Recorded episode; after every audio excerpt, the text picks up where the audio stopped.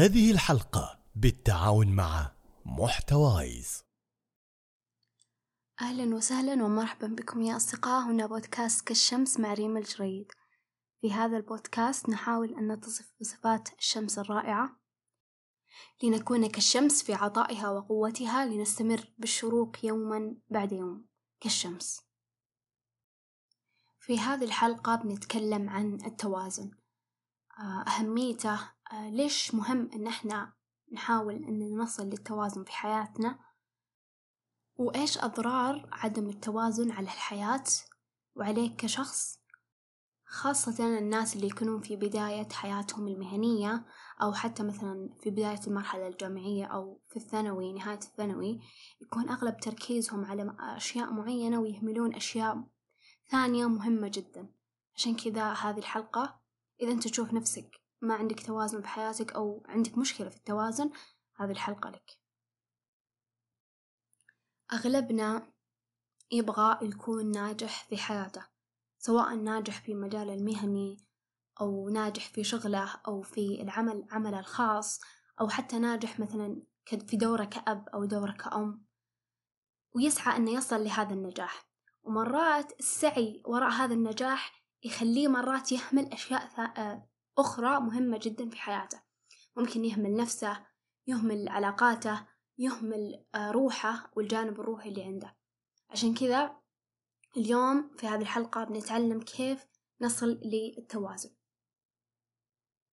أذكر في مرحلة الجامعة كنت أبغى أبذل أقصى جهد ممكن وأطلع من الجامعة وأنا مستثمرة كل الجهود وكل الموارد اللي كانت متاحة لي وأطلع بأفضل النتائج.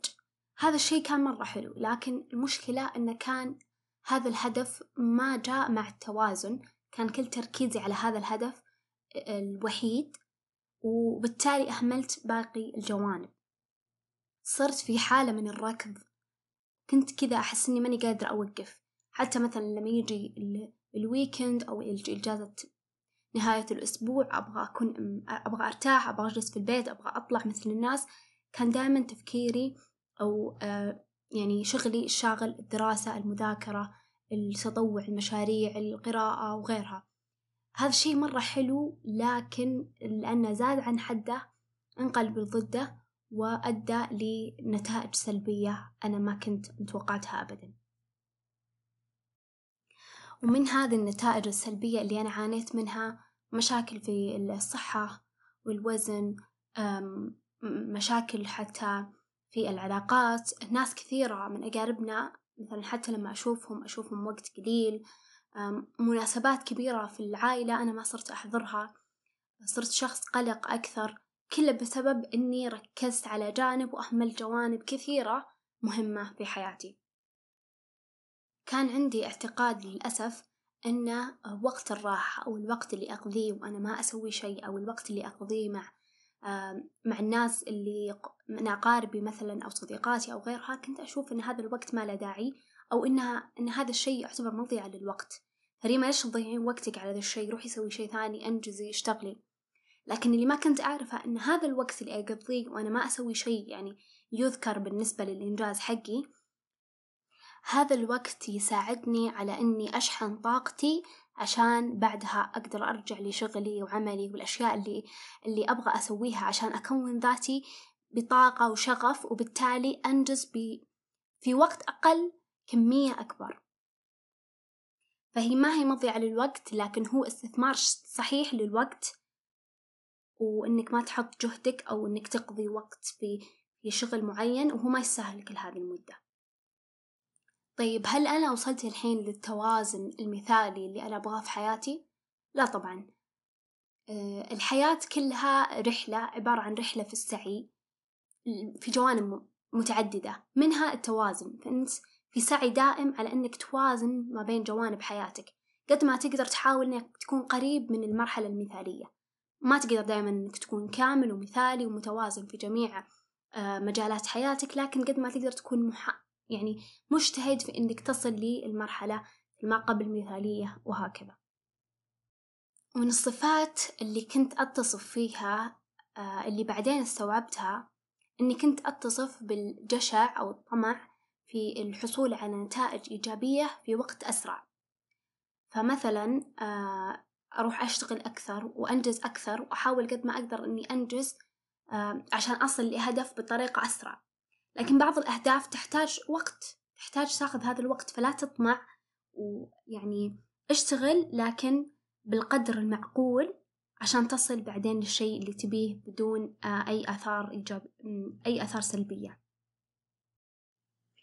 ستيف جوبز في كتابه العادات السبع للأشخاص أو للناس الأكثر فعالية تكلم عن عادات جدا تغير حياة الشخص ويصير منتج أكثر آه، وشخص إيجابي ونوعا ما سعيد ومتزن في حياته. ذكر كثير من العادات لكن أنا بيكون تركيزي على العادة الأخيرة اللي هي العادة السابعة. هذه العادة اعتبرها هي الأساس لجميع العادات الأخرى. هي اللي تخليها مترابطة هي اللي تمسكها هي اللي تأسسها. وسمى هذه القاعدة أو العادة باسم اشحذ المنشار. والحين نتكلم عن هذا الموضوع. هذه العادة بين قوسين معناها عادة التجديد. ذكر لنا ستيف جوبز قصة خيالية تبسط لنا الموضوع بشكل رائع. القصة هي عن مزارع فقير آه، كان يمتلك أوزة. هذه الأوزة يوم من الأيام قام ولقاها باضة بيضة ذهبية. استغرب لين راح لحقين الذهب وقالوا له فعلا هذه بيضة ذهبية. شوي شوي اليوم الثاني استمرت الأوزة إنها تنتج هذا البيض الذهبي. وصارت كل يوم كل يوم في نفس الموعد تنتج هذه البيضة. كل يوم بيضة واحدة. تحول هذا الراعي من راعي فقير إلى راعي غني جدا. ولكن بسبب الجشع اللي وصل له هذا الراعي قال أنا ما راح أنتظر إن الأوزة تجي اليوم الثاني عشان تنتج وحدة وكل يوم تطلع لي وحدة. أنا بذبحها وأطلع كل البيض اللي موجود جواها وخلاص. وبعد ما ذبحها قتل هو المركز أو المصدر الأساسي لثروته. وهنا يوضح لنا من خلال هذه القصة إنه بقدر ما تهتم بالنتائج اهتم بمصدر هذه النتائج. يعني يا الراعي بقدر ما أنك تهتم أنت بالبيضة الذهبية هذا اللي اللي تنتج من قبل الأوزة اهتم برضو من المصدر الأساسي للنتائج اللي هو اللي هي الأوزة. أكلها كويس أعطيها بيت أفضل وأحسن ممكن تخليها تتعرض ل تعطيها فيتامينات أيا كان بس اهتم آه، بالأوزة قد ما تهتم بالنتيجة أو بالنتائج اللي هي آه، تسويها لك هذه الأوزة. ومن خلال هذه القصة البسيطة طبق هذا الشيء على نفسك. بمعنى أنك أنت مو بس تهتم أنك تصل لنتيجة معينة آه، من خلال مثلا شغلك وعملك وطاقتك وإنتاجيتك. اهتم برضو بنفسك. اهتم في أنك تتاكل أكل صحي في إنك ترتاح إنك تاخذ نوم كافي إنك تشرب موية. اهتم بنفسك بقدر ما تهتم بالنتائج. وزيها زي مثلا إذا كنت مدير في مكان معين زي ما تهتم بالنتائج حقت الشركة أو العمل هذا اهتم بالموظفين اللي شغالين عندك بإنهم يعني يكونوا مرتاحين ومبسوطين وراضين عن الشغل عشان بالتالي النتائج تكون برضو مرضية. طيب في ناس ممكن يجون يقولون إيش دخل هذه القصة بالتوازن؟ الحين بقول لكم. معرفتك بقيمة آه، شحن ذاتك وتجديد طاقتك يخليك ما تعتبر الوقت اللي تقضيه في تجديد ذاتك وشحن قوتك إن هذا الوقت هباء منثور أو إنه وقت ضائع. بالعكس دائما تخصص وقت لهذا الشيء لأهميته. عشان بالتالي إذا أنت قد ما اهتميت بنفسك وتجديد طاقتك وإنك تكون في أفضل حال نفسي وجسدي وعقلي وروحي بالتالي إن نتائجك بإذن الله بتكون أفضل من لو إنك أهملت نفسك وذكر ستيف جوبز هذه القصة للتوضيح يقول فيها لنفترض أنك في الغابة ومررت بشخص يعمل بكد من أجل قطع شجرة فستسأله ماذا تفعل؟ فيرد عليك في نفاذ صبر ألا ترى إنني أحاول قطع شجرة فصحت متعجبا ولكنك تبدو منهكا منذ متى وأنت تعمل؟ فيجيب هذا الشخص منذ أكثر من خمس ساعات وقد تعبت للغاية فهذا عمل شاق جدا. فتستفسر قائلا حسنا لماذا لا تأخذ استراحة لمدة خمس دقائق وتشحذ المنشار؟ أنا على يقين أنك لو شحذته ستنجز العمل بشكل أسرع.